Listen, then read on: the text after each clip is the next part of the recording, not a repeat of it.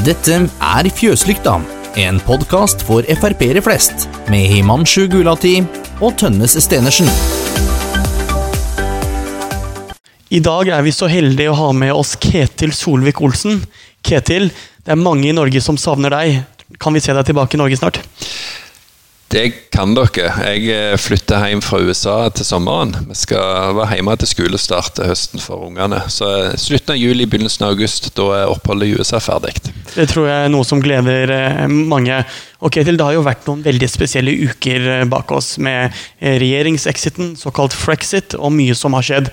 Hadde det vært frustrerende å sitte i USA og se på dette uten å være en del av det? Vi har det veldig fint i USA, det har vi. Kona har en fantastisk opplevelse. Men den politiske sida av meg har hatt det ganske vondt.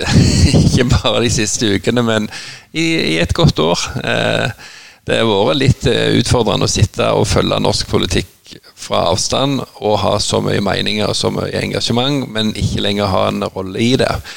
Så har det vært spesielt å oppleve akkurat uh, Frp sin exit. Uh, både fordi det var dramatikk rundt det, og det var jo veldig stor usikkerhet på hvordan dette ville ende, og hvordan folk ville ta imot det. Men det er desto mer gledelig å sitte på sidelinja og observere hvor godt partiet har håndtert det. Hvor bra Siv gjorde det, uh, og hvordan stortingsgruppa støtter opp om det. Men òg reaksjonen fra medlemmene fra partiorganisasjonen og fra folk som nå melder seg inn. Så eh, frustrerende ikke å være en del av det sjøl, men eh, all honnør til de som har håndtert situasjonen. Uh, Ketil, jeg følger deg på LinkedIn, og får lurer litt på hva du, hva du har drevet med. Og så er det noen piloter. Lino, hva har du jobbet med nå disse siste månedene? Nei, du vet, når jeg gikk av som statsråd, så Du kan jo ikke sitte og søke ny jobb mens du er statsråd og sånne ting. Og, og hele avgangen skjedde jo relativt brått. Jeg visste jo at kona studerte eh, og tok amerikansk medisinutdannelse i tillegg til den europeiske hun allerede hadde. Nettopp fordi hun hadde muligheten til å jobbe på et amerikansk sykehus. Men vi visste jo ikke om hun ville stå på eksamen hun tok, eh, og når resultatene kom, og hvor fort hun ville få en jobb etter resultatene forelå. Eh, og Der skjedde alt veldig raskt for henne, og tilsvarende raskt for meg. da. Men eh, i utgangspunktet så skulle jo jeg være i USA og være hjemmeværende pappa. Det blir jo fort litt kjedelig i lengden. Det er veldig kjekt med ungene, men de er jo på skolen, og det er grenser for hvor mange mil jeg sykler til dagen før det òg blir litt ensformig. Ehm, sånn at jeg har vært heldig og fått fulgt opp med ulike roller for norsk næringsliv. Jeg har vært med å opprette en pilotskole i Florida. Eh, den åpna vi formelt eh, nå i slutten av januar. Så der, eh, der føler jeg jeg har vært med faktisk gjort noe konkret. Og så har jeg nå tatt på meg litt ulike styreverv, rådgiververv i, i selskap. Sånn at jeg har ting jeg kan gjøre med kjøkkenbordet i Alabama, men jeg må ikke være på et kontor eh, hver dag. og Dermed er det òg masse rom til å drive med, med, med, politikk og være engasjert, i hvert fall på sosiale medier. Før vi prater mer om norsk politikk, har jeg bare lyst til å spørre deg, hvis du eh, hadde blitt boende i USA og vært amerikansk statsborger, eh, tør du røpe for oss hvem du ville stemt på til neste valg? Vi vet jo ikke hvem som blir demokratenes, men er Donald Trump, det han gjør i USA, så håpløs som det vi får inntrykk av her i Norge? det er mye mer nyansert situasjon enn det vi får med oss. Så vil jo selvsagt folks politiske overbevisning bety noe for om du, du måtte støtte politikken hans. Men det er ingen tvil om at han er en kontroversiell person i oppførselen sin. Og jeg treffer veldig få republikanere som liker personligheten hans. De fleste er sånn at vi stemmer på resultatene, men han skulle gjerne slutta å uttale seg om ting. Og i alle fall slutta å tvitre. Og jeg, jeg, har truffet et par av de som jeg omgås en del som har jobbet for republikanerne i Kongressen sågar, som sier at tvitringa hans gjør det jo vanskeligere å få folk til å stemme på han. Uh, men han har fått en kjerne som, som, stiller seg bak han nesten uansett hva han gjør. Men jeg har vært på et Trump-rally i Mississippi, uh, nabostaten i forhold til der jeg bor. Jeg si, der, han har mye veldig egosentriske trekk. Og han har en ordbruk som er ekstremt polariserende og, og skaper en ekstremt negativ tone i samfunnet. Det liker jeg ikke. Men politisk så har han altså oppnådd den laveste arbeidsledigheten siden de begynte å registrere det, altså på 50 år. Og det kommer til gode både eh, kvinner og, menn, men òg eh, eh minoriteter som vanligvis sliter i arbeidsmarkedet. Så han er med å løfte alle båter i dette. Og mange av de som stemmer på han, i tillegg til det han gjør på arbeidsledighet og økonomi, er også opptatt av det han gjør på innvandring. Og han viser en vilje til å forsvare USAs grense mot ulovlig innvandring. Så kan vi alltid være for eller imot å bygge en mur, men det blir et symbol på hans kamp, som demokratene prøver å stoppe. Og for de som er opptatt av streng justispolitikk, streng innvandringspolitikk og skape arbeidsplasser i USA, så er jo han deres helt. Ingen tvil om det. Ketil, du ga jo også i høst ut en bok, 'På vei'. Og Hva er det viktigste budskapet din i den boka? Jeg prøver å kommunisere litt og få folk til å forstå hvorfor jeg er blitt den politikeren jeg er, hva mine prioriteringer og sånne ting. Så folk kan, jeg er opptatt av at folk skal forstå hvordan jeg tenker, og ikke bare hvilket standpunkt jeg har. Eh, så Litt av boka går å bli kjent med meg og forstå hvorfor jeg endte opp der jeg gjorde. Men veldig mye handler jo selvsagt om å kikke på viktige politiske saker og mine synspunkt på det. Eh, sånn at Det er et budskap der om at vi har en del globale utfordringer vi må være opptatt av. Energi- og miljøspørsmål, migrasjonsspørsmål, hvordan det digitale verden endrer både maktforhold med at noen få personer kan bli ekstremt rike fordi de var heldige på, på en teknologisk plattform der du før gjerne måtte i hvert fall ha mye kapital for å bygge fabrikker. og sånn. Og Så tar jeg opp dette litt i det norske perspektivet, og Frp sin rolle. Og jeg mener jo at målet med vår politikk må jo være at vi får gjennomført den, ikke bare at vi får markert den. Og Der har vi jo i regjering fått til veldig mye. Og Jeg prøver å oppsummere en del av de viktige gjennomslagene vi har fått. Kanskje gjerne litt ekstra fokus på det jeg har jo vært med på sjøl, på samferdselsspørsmål, fordi det kjenner jeg ekstra godt fra innsiden. Og der har vi endra norsk samferdselspolitikk, ingen tvil om det, både i system og i økonomi, og det får vi anerkjennelse for. Men så må vi òg tenke hva får vi mest gjennomslag for framover. Og da blir det, jeg, jeg, skriver litt om det at vi må hele veien vekte hva vinner vi, hva taper vi, og hvordan oppleves det. Eh, og vi vant veldig mye veldig lenge, og vi ble altså gjenvalgt i 2017.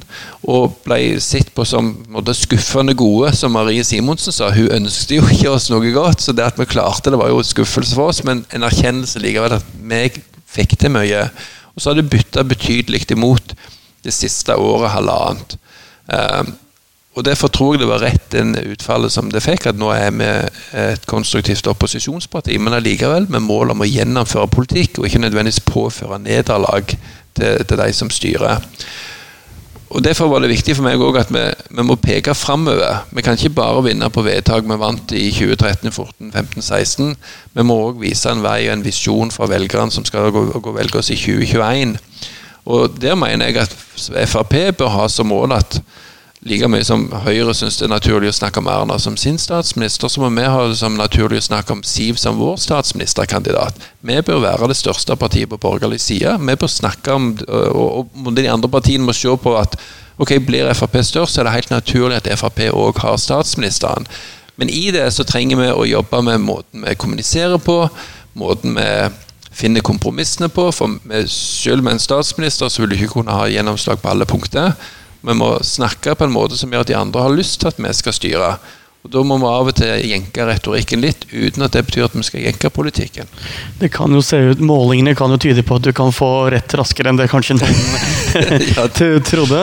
Men eh, hva er det, hvis det er én sak du skulle valgt ut som Frp kanskje ikke fikk prioritert eller gjennomslag for under de siste årene i regjering, som vi bør løfte opp om vi kommer i regjering neste år? Hva ville det vært? Nei, altså, vi fikk det veldig veldig mye på samferdsel, på, uh, på, innvandringspolitikk. Vi fikk til mye på justis, men det er en del av de tingene der på justis spesielt som vi ikke fikk solgt godt nok. Når du ser på politidekning rundt i landet, så er jo den fantastisk mye bedre nå enn i 2013. Men jeg tror de fleste folk, hvis du spør dem, så vil de ha den motsatte oppfatningen, for de hører hele veien negative sider om politireformen. Der jeg skulle ønske at vi hadde fått større gjennomslag, det var jo at de budsjettene som Siv la fram som finansminister, ble vedtatt sånn som de ble framlagt. For der var det jo betydelig avgiftslettelse. Mens nå forbindes med, med avgiftsøkninger. Men det er jo ikke fordi at regjeringen hadde det i utgangspunktet. Det er jo fordi at det ble konsekvensen av Venstre og KrF sine vedtak i Stortinget, eh, som økte avgiftene. Sånn at der, der skulle vi fått mer gjennomslag for Frp sine eh, forslag, og ikke endt opp med de kompromissene som dessverre dro en del av dem, men ikke alle tingene i feil retning. Men eh, det er noen ting jeg lurer på, og mange lurer på. Når jeg kjører tog til Kristiansand, så kjører jeg med Go-Ahead. Som da altså har en halv milliard mindre i statsstøtte enn det NSB hadde. Og så er det lagd et konkurrerende veiselskap til Statens vegvesen, som da lager veiene billigere og bedre. Er du redd for at den type tanker vil forsvinne hvis ikke vi kommer tilbake i regjeringen? Jeg er ganske sikker på at nye veier overlever. Og det syns jeg er litt av det som er frustrerende med i forhold til hvordan media har håndtert FrPs rolle i regjering. For vi får masse kjeft for at å, dere har ikke effektivisert nok, dere har liksom ikke kutta byråkratiet nok. Og så hopper de glatt over Nye Veier, som altså har 60 milliarder kroner i økt samfunnsnytte. 30 milliarder gjennom kostnadskutt, 30 milliarder gjennom økt nytte fordi de bygger bedre veier med raskere fart og, og, og lignende. Jernbanereformen derimot, der frykter jeg at fordi at resultatene ikke er så tydelige ennå, mm. så kan det være noe som en forsøker å reversere. Men den har jo òg allerede betalt for seg sjøl. Nå, nå, skal altså jernbaneselskapene betale for å kjøre på Bergensbanen, der de før krevde subsidier. Vy vinner jo nå noen av anbudene der de ikke hadde sjanse å vinne for, for, kort tid siden, for de var ikke omstilt. Og Det er jo egentlig spesielt at selv på, på Sørlandsbanen som riktignok Go-Ahead vant, men Vy sitt eh, bud inn i det var jo betydelig lavere når de var i en konkurransesituasjon enn i alle årene før når de var i en monopolsituasjon. Men fordi at jernbanereformen er litt mer kompleks, og det er liksom folk har litt mer problemer med å forstå den organisatoriske endringen, og det, det, de ser ikke pengene inn ut på samme måten, så er det der du gjerne kan få omkampen. Men den har òg vært en suksess, og kommer til å bli en større og større suksess framover. Kan du forklare på 30 sekunder hvorfor Nye Veier fikk til det de gjorde? Rett og slett fordi at de fikk et veldig tydelig mandat. De fikk en politisk frihet til at vi fra regjeringens side satte dette er det dere skal oppnå innenfor 20 år. Og så kan dere være fagfolk og prioritere sjøl. Men ikke kom og spør om mer penger hvis dere kødder det til. Og Det er jo der Vegvesenet har hatt utfordringer, fordi for det første blander politikerne seg inn i alt mulig hele veien. Og så har det kommet en kultur der hvis du får overskridelser, så kan de bare liksom lage en debatt, og så blir det politikerne sitt ansvar å komme med mer penger. Så tror jeg den siste greia òg at de fikk lov til å begynne med blanke ark. Og Det betyr at du fikk en liten, fleksibel eh, organisasjon med en del flinke veifolk, men òg en del flinke industrifolk. Og Skal du gjøre ting på en annen måte, så må du av og til få lov til å bryte ut og starte på ny, istedenfor å prøve å reformere innenfor eksisterende system med litt for mye gammel kultur. Ketil, du er jo av folk langt unna Frp også blitt kalt som tidenes beste samferdselsminister. Og nå er det en ny person som innehar din gamle stol. Hva vil være ditt uh, viktigste budskap til Knut Arild Hareide? Fortsett det arbeidet som var i gang, ikke kødde til. Rett og slett. Men, men, jeg har hørt at han vektlegger veldig mye at vi må høre på hva fagfolkene sier. Det gjorde selvsagt vi òg. Men hvis en begynner å spørre fagfolk, så er det mer enn én en mening blant dem. Og det å bare liksom vektlegge det som er på aller øverste nivå Reis ut i landet, snakk med fagfolk på ulike nivå. Se på det som nå er debatten som han reiser opp, at nå må vi ha flere fotobokser og lavere fartsgrense. Vel, ta den utfordringen med Nye Veier, så vil du se at de argumenterer jo for 120-130 km i timen, der Vegvesenet argumenterer for 90 og 100. Det er altså flere fagfolk her som har ulike syn. Da er det en litt mer kompleks sak enn det Hareide sjøl gjør det til. Avslutningsvis Ketil, så har jeg et spørsmål jeg lurer på. Vi som har jobbet litt med deg, eller sett deg på Facebook, har lagt merke til at siste mail kan komme ett eller to på natta, og første mail eller kommentar på Facebook kan komme seks eller sju på morgenen. Mm. Hvor mange timer sover du egentlig? Det, det varierer litt, men uh, jeg havner vel ofte i seng sånn i to-tre-tida, og så er det opp igjen i seks-tida. Men en liten powernap av og til, det skader ikke. Eh, Ketil Solvik-Olsen, til daglig er jeg en uh, lokalpolitiker i Frp, som ikke er med i noe av det som styrer i, på toppen av partiet. Men jeg tror nok jeg prater på vegne av mange av meg selv. Vi savner deg. Vi ønsker deg velkommen tilbake. Vi gleder oss. Tusen takk for det.